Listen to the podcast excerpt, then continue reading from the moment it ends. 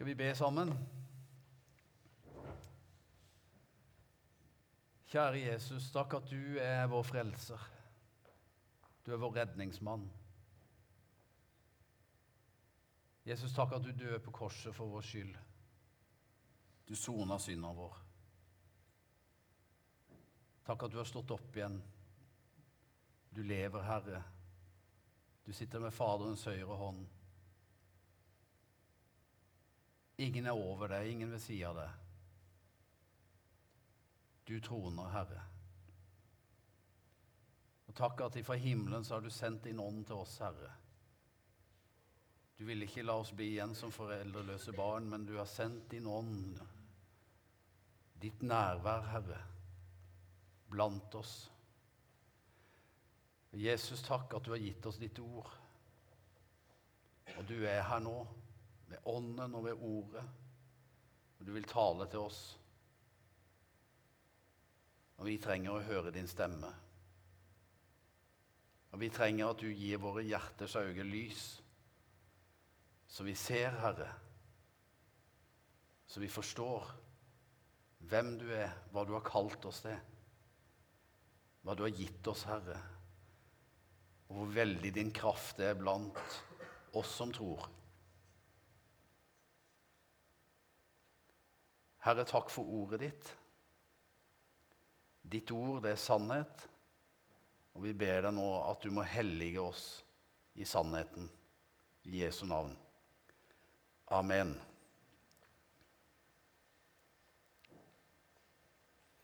Jeg sa i stad at det var fint å være tilbake på lista. Og egentlig skulle jeg ha vært der forrige uke på ei samling med gruppelederne. Nå vet jeg ikke om det ble noe samling av det engang, eller hva det gjorde. Men eh, da lå jeg rett og slett eh, flatt ut i, med, med, influensa.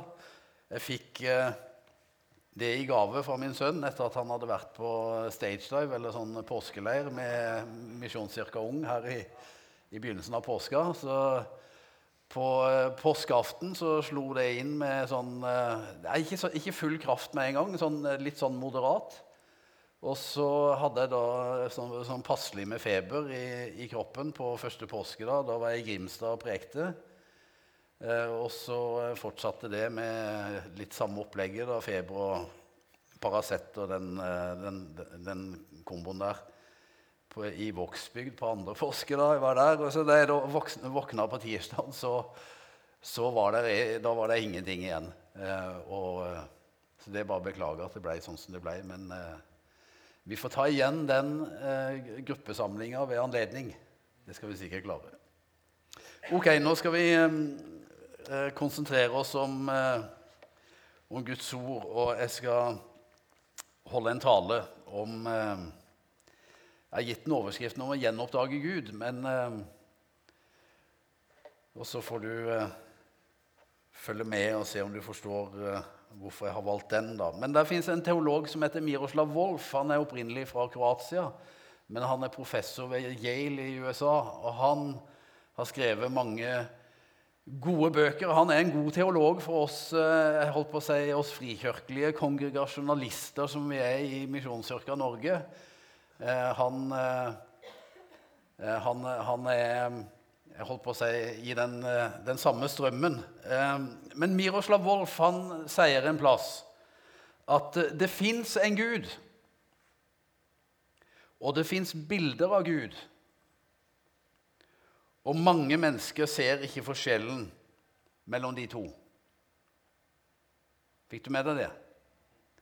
Det fins en Gud, og det fins bilder av Gud, og mange mennesker ser ikke forskjellen mellom de to. Nå vil jo noen hevde at Gud ikke eksisterer i det hele tatt. da. Og at, og at, det kun er bilder av Gud som eksisterer, liksom. At uh, han eksisterer kun i, i menneskers tanke og, og sånt. Eh, noen vil sikkert argumentere for det. og Det, det spørsmålet det har ikke jeg tenkt å ta tak i akkurat nå. Eh, jeg mener det fins mange gode grunner for å, eh, å tro på Gud og hevde at, at han fins. Men jeg skal ikke ta hele den runda nå. Men jeg har lyst til å si litt om gudsbildene som preger mange av oss, og som også preger oss som tror på Gud. Og så vil jeg si litt om det å gjenoppdage Gud. Sannheten er at våre gudsbilder er veldig annerledes enn Guds virkelighet. Vi er begrensa vesener, og Gud er ubegrensa mye større enn noen tanke vi kan ha om Han. Dette er viktig å forstå. Men Gud er ubegrensa mye større enn noen tanke vi kan ha om Han. En uh, annen uh, teolog og filosof som het Dallas Willard, han døde for et par år siden, han uh, sa om Gud at Gud har ingen hjerne. En hjerne er en del av Guds skaperverk, og den er jo fantastisk, hjernen vi har fått. Men den er begrensa til skaperverket. Guds tanker derimot er uavhengig av det skapte. Og Profeten Jesaja han sier jo i Det gamle testamentet at for mine tanker er ikke deres tanker, og deres veier er ikke mine veier, sier Herren. Som himmelen er høyt over jorden, slik er mine veier høyt over deres veier, og mine tanker høyt over deres tanker. Og Det er en eh, kommentator som har sagt om det bibelverset at, eh, og om Jesaja her da, at han instruerer oss til ikke å begrense Gud. Og til ikke å begrense Gud til det vi kan forstå. Og så fortsetter han med å si at det, det religiøse livs store fristelse, det er å se i vår situasjon og i vår Gud bare de tinga som greit passerer testen i vårt sinn. Prøv å henge med meg. Men vi regner ofte med at Gud skal handle i tråd med våre forventninger. Gjør vi ikke det? Vi har en tendens til å redusere Guds veier til å være våre veier og hans tanker til å være våre tanker. Og våre hjerter de blir lett sånne avgudsfabrikker der vi skaper og gjenskaper Gud til å passe med våre ønsker og behov. Men du skjønner, Gud er noe langt mer enn det, og langt større enn det. Og han er ikke bare til for å holdt på å si, tilfredsstille våre ønsker og behov.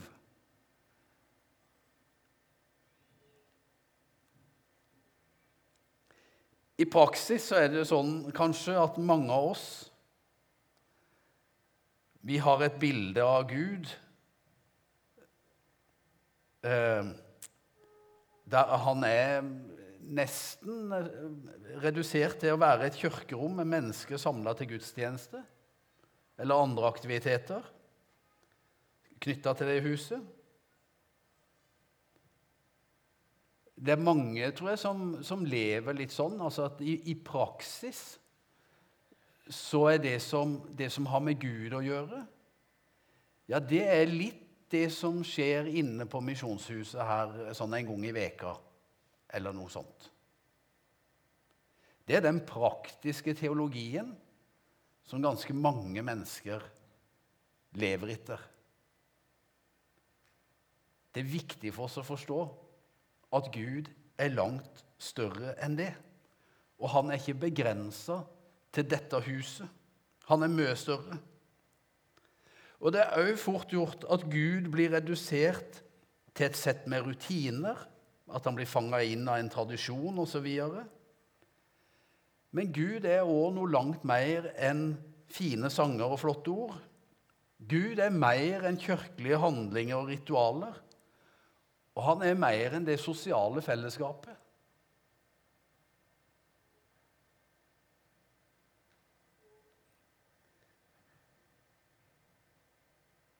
Da sa Salomo, Herren har sagt han vil bo i det dunkle.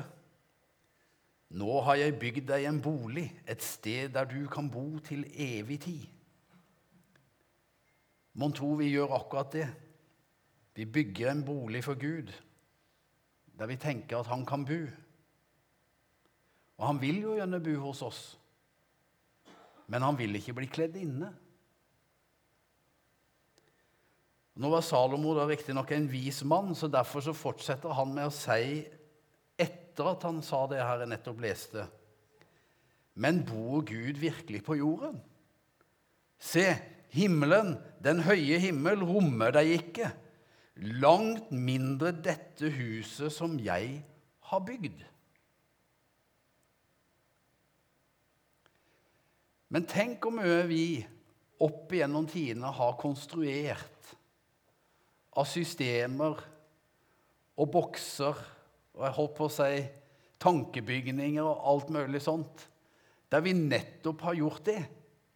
Vi har kledd Gud inne for liksom å få grep på han og få han under vår kontroll. Men Salomo hadde forstått det, men han er langt større.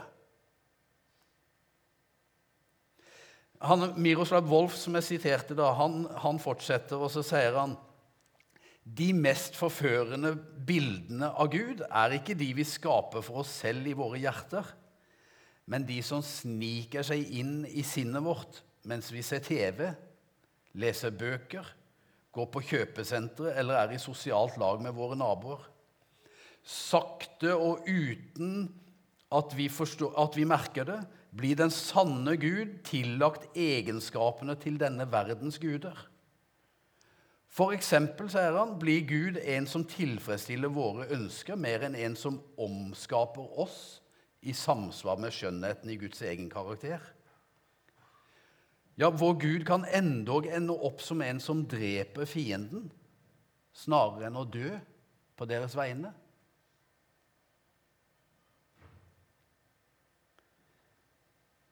Vårt liv i denne verden, i vårt liv her, så dras vårt hjerte, våre tanker, vårt sinn i andre retninger enn til den sanne Gud. Derfor så trenger vi stadig og Det er noe av min påstand. da, og jeg håper å rekalibreres, men derfor så trenger vi stadig å gjenoppdage Gud. For vi dras litt vekk. Og vår forståelse blir besmitta med alt dette mulige andre som sniker seg inn. Så vi trenger stadig på nytt å gjenoppdage Gud igjen og igjen. Det er derfor det er jo en god vane at vi kommer sammen til gudstjeneste på søndagene. For det er en mulighet til å la Ordet og Gud ved sin ånd igjen preger oss på nytt og danner oss til, til noe større likhet med det som er han og hans tanker. En annen grunn til at vi stadig trenger å gjenoppdage Gud, det er at vi ikke har, og heller aldri i dette livet kommer til å oppnå full kjennskap til Gud. Betyr det sier jeg nå, at vi ikke kan vite noe om Gud i det hele tatt? Nei, det betyr det ikke. Kan vi ikke vite at han elsker oss, f.eks.? Jo, det kan vi vite. Men det betyr heller det at han elsker oss langt mer enn det vi noen gang kan klare å forstå og begripe. Så det er mer å gå på, folkens. Ikke tenk at du har liksom Du har grepet det fullt ut. For det er mer hos Gud. Han er alltid større. Og Så kan vi lure på, da og henne skal vi se etter Gud? Ja, Først så trenger vi å vite hvor vi kan finne sannheten om den sanne Gud. Og Da vil det være feil å søke den kunnskapen i verden rundt oss. For Gud er ikke et objekt som vi kan studere i denne verden. Det vi finner i denne verden, det er denne verden, det, og ikke Gud. Han har skapt denne verden. Vi kan heller ikke finne Gud i en sånn uendelighet som ligger langt borte fra kosmos eller et eller annet sånt. For Gud han er ikke en navnløs et eller annet på andre sida av tid og rom. Men det vi kristne tror, det er jo det at vi finner Gud i Jesus Kristus. i Guds ord inkarnert, som det er bevitna i Skriften, det skrevne ordet. Vi tror først og fremst det at vi møter Gud, og vi lærer Han å kjenne gjennom Hans Sønn Jesus Kristus. Og ham blir vi kjent med gjennom det vitnesbyrdet som er nedtegna, bl.a. i denne boka som jeg holder opp foran deg her nå. Ingen har noen gang sett Gud, men den enbårne som er Gud, og som er i fars favn, han har vist oss hvem han er, sier Johannes. Litt seinere sier han, og dette er det evige liv, at de kjenner deg, den eneste sanne Gud, og Han du har sendt, Jesus Kristus. Og I Hebrebrevet så skrives det om Jesus at han er utstrålingen av Guds herlighet og bildet av hans vesen, og han bærer alt ved sitt mektige ord.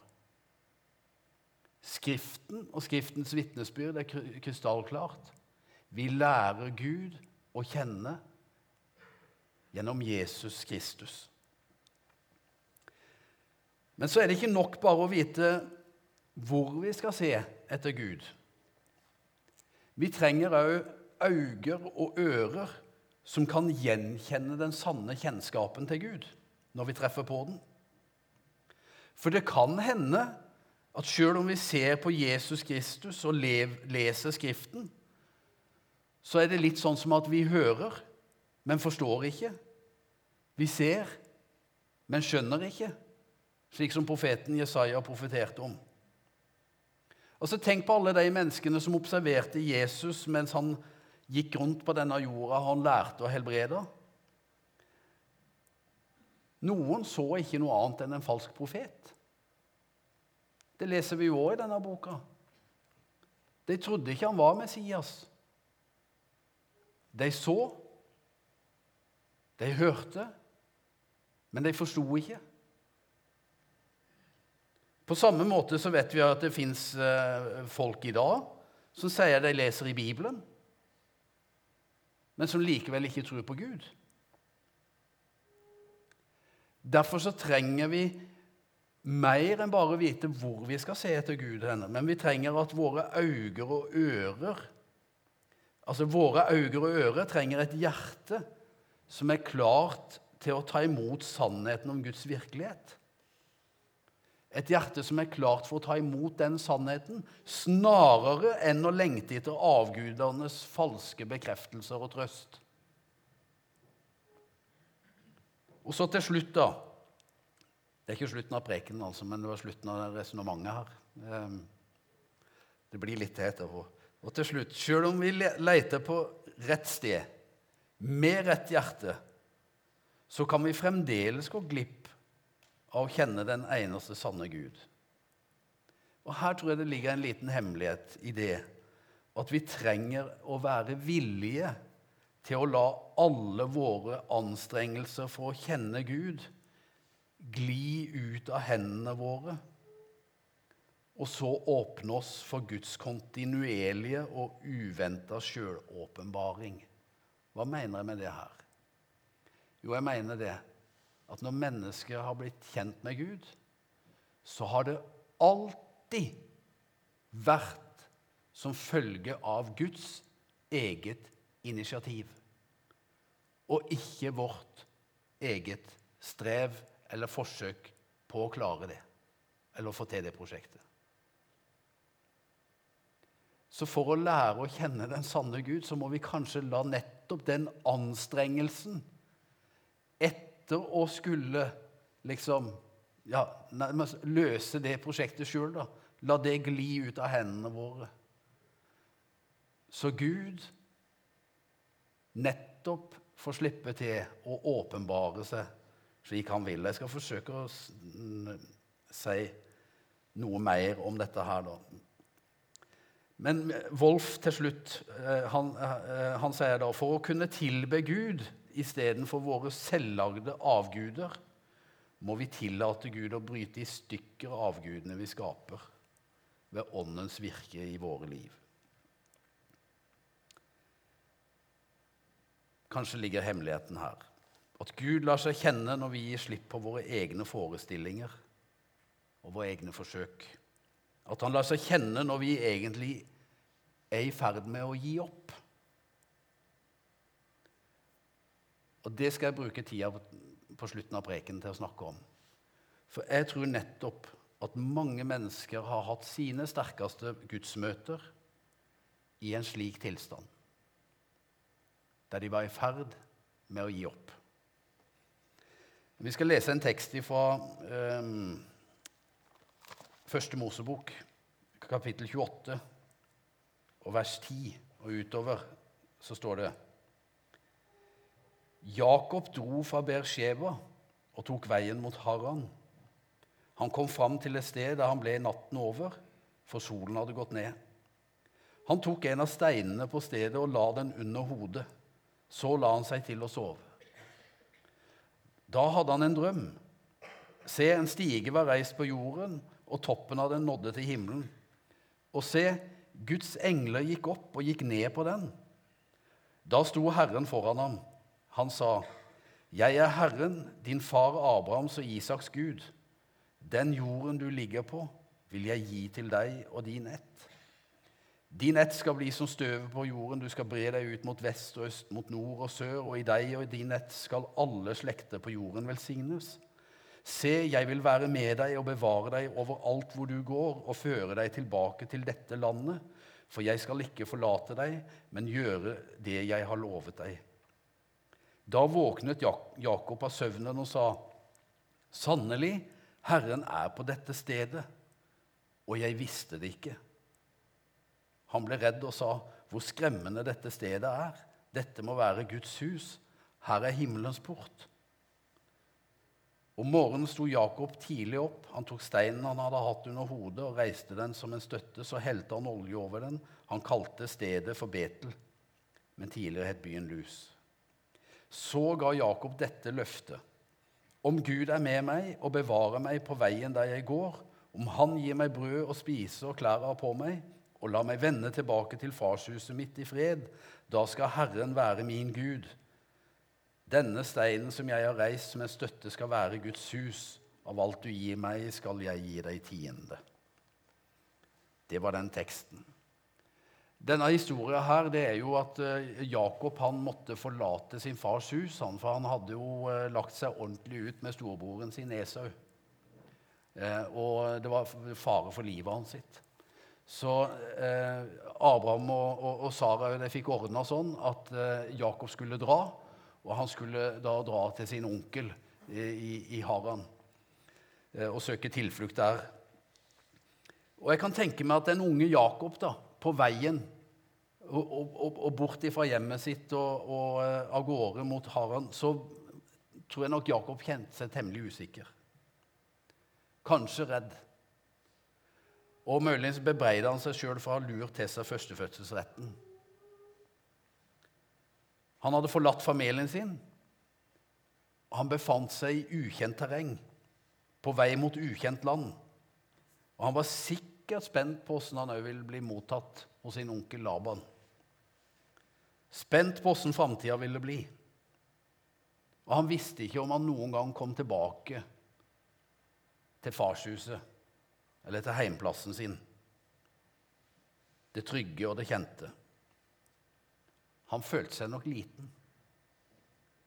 Og sjølsikkerheten tipper jeg, Han var jo en ganske sjølsikker type, men jeg tipper at den hadde nådd et bunnivå, for å si det sånn. Han befant seg på en plass, et sted han mest sannsynlig ikke ønska å være. Og så helt uventa, da, så blir han møtt av Gud på det stedet. Et sted han ikke hadde noen forventninger til. På et tidspunkt han ikke hadde anelser om at det kunne skje, og på en måte som var helt utenkelig. Da møtte Gud ham. Noen ganger så kommer vi til et sånt sted. Et sted vi helst ikke nevner ved navn. Et sted så øde og forlatt at steiner erstatter hodeputer. Et sted egnet til å ødelegge enhver nattesøvn. Det kan være skilsmisser, sykdom, tap av en av dine kjære, miste jobben, økonomisk uføre osv. osv. Og kanskje er vi på flukt. På flukt bort fra virkeligheten, bort fra vanskelige relasjoner, gamle tabber osv. Og, og fellesnevneren for alle de plassene her, det er jo at vi ønsker egentlig ikke å være der. Vi er der med en opplevelse av å ha mista noe. Og Den virkeligheten vi egentlig hadde så godt grep om, den har plutselig glidd ut av hendene våre.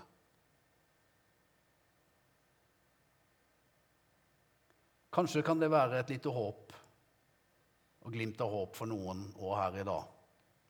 Men gudsmøter har en tendens til å komme på uventa steder og til uventa tider. På uventa måter.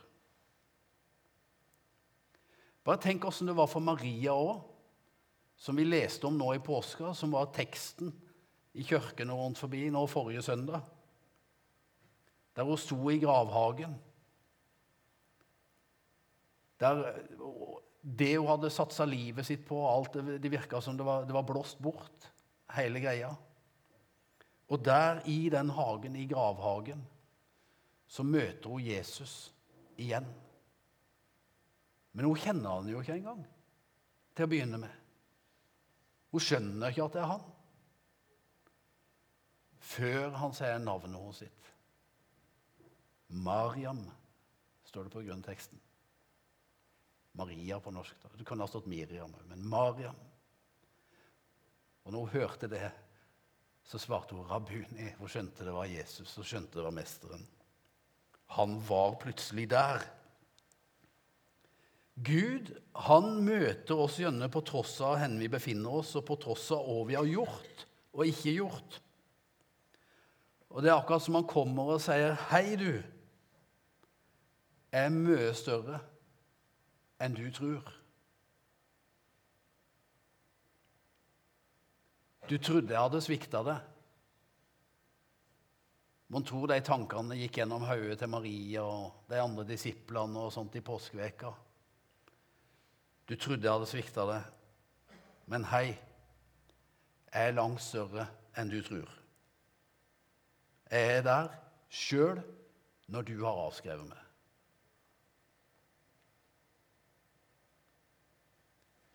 Noen ganger så tror jeg Gud òg tillater faktisk at virkeligheten vår rystes, så vi skal se hans virkelighet. Noen ganger så tillater han at det rokkes ved vår trygghetssone for at vi skal komme inn i hans trygghetssone. Og Når den virkeligheten vi hadde så godt grep om, glir ut av hendene våre, da gis det en mulighet for oss å gripe Guds virkelighet. En mulighet til å gjenoppdage Gud. Ehm, jeg husker Et av mine sterkeste gudsmøter hadde jeg mens jeg var ute som ung misjonær i Colombia. Jeg var i Bogotá, 25 år gammel. Hadde flytta alene ut dit, en stor by, med, og skulle jobbe egentlig med menighetsplanting. Og det er jo litt sånn Ja, hvilke hjørne av byen begynner du i, da? Eh, men Gud var trofast, og han leda meg til noen folk. Eh, og vi kom i gang med et arbeid. Og vi bygde opp ei forsamling i eh, sør i, i Bogotá, et område som heter Swacha. Og så folk ble kristne og døpt. Og, ja, eh, veldig fin tid. Men så, eh, så ble det noen, eh, noen, utfordringer, og så husker jeg en en dag som jeg hadde vært nede i Suacha, som han, eh, pastoren som jeg jobba tettest sammen med, hadde egentlig hatt et veldig godt forhold til. Han eh, Ja, det ble noen uoverensstemmelser og sånne ting. Og noe uenighet om noen ting. Og da ga han meg så i det glatte lag som jeg vel aldri har fått det noen gang.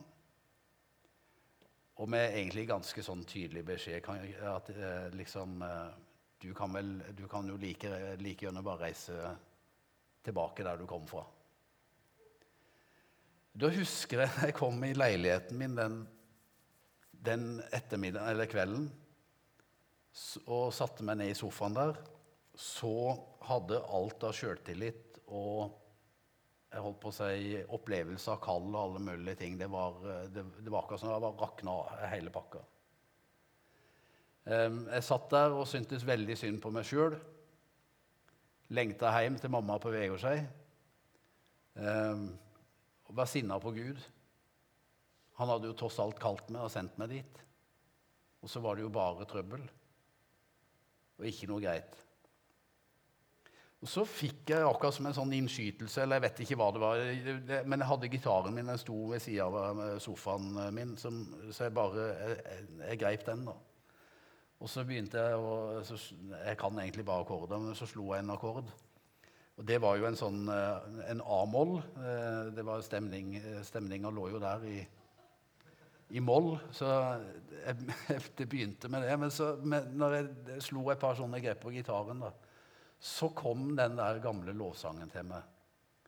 Med Gud er en god Gud. Gud er en god Gud. Fra evighet til evighet varer Hans nåde, vare Hans nåde.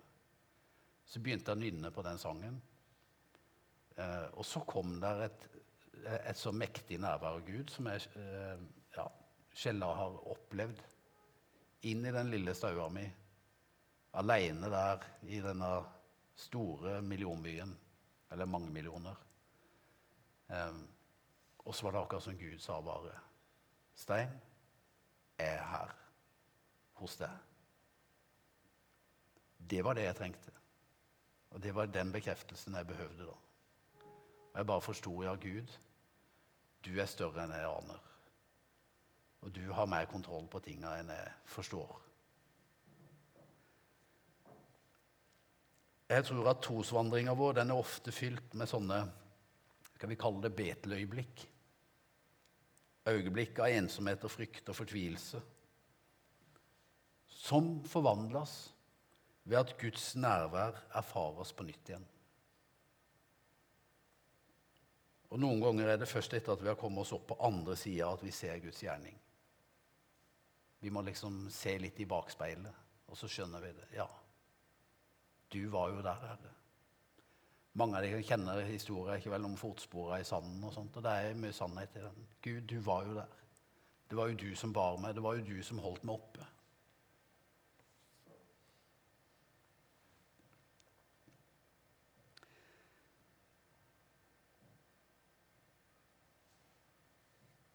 For å gjenoppdage Gud så må vi ut av egen trygghetssone og inn i den sona der vi kjenner at om ikke Gud og Hans ord bærer nå, ja, da faller jeg. Jeg greier ikke dette sjøl. Jeg er totalt avhengig av deg, Gud. Og så er det jo nettopp da at Gud mer enn noen gang har sjans å slippe til og inn i våre liv.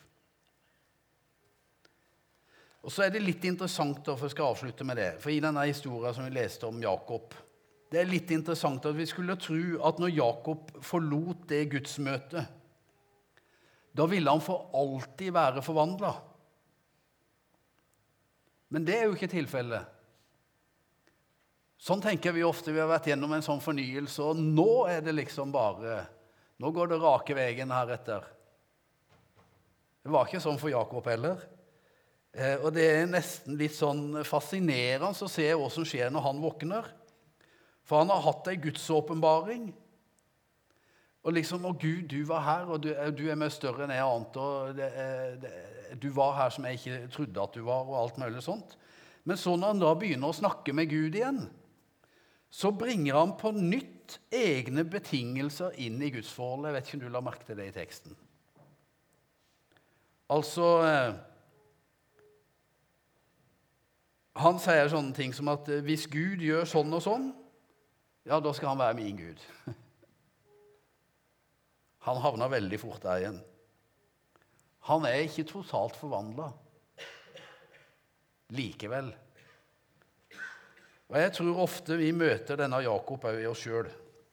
Vi er litt sånn egoistiske og manipulerende og sjølopptatte og sjølbeskyttende og redde og desperat opptatt av å sørge for at tinga går vår vei. Og når vi òg får mot nok da, til å gå på Guds kall, så er det som regel med mindre overgivelse enn vi liker å tro. Altså, Vi tror at vi er mer overgitte enn vi faktisk er. Og vi, vi, tror at vi har lagt hele livet vårt ned for Herren, mens vi fortsatt setter betingelser og fortsatt holder igjen. Og Når vi oppdager det, så tenker vi igjen at vi har svikta Gud, at vi har, at har skuffa Han, at vi kunne gjort så mye bedre, at vi kunne ha vært så mye sterkere. Kjenner du igjen den der runddansen der?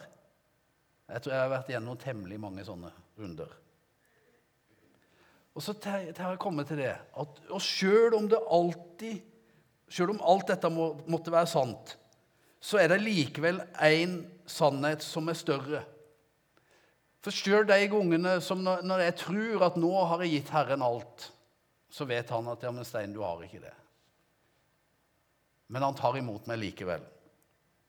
Altså, Han har alltid visst hvem du er åssen du er. Han kjenner dine svakheter og tilbøyeligheter. Han kjenner din frykt og dine bekymringer. Og han kjenner alle sider ved det. Og likevel så velger han å ha med det å gjøre, og likevel så velger han å bruke oss. Til tross for at det halter litt i den overgivelsen. Han satser på det. Så stor er Guds nåde.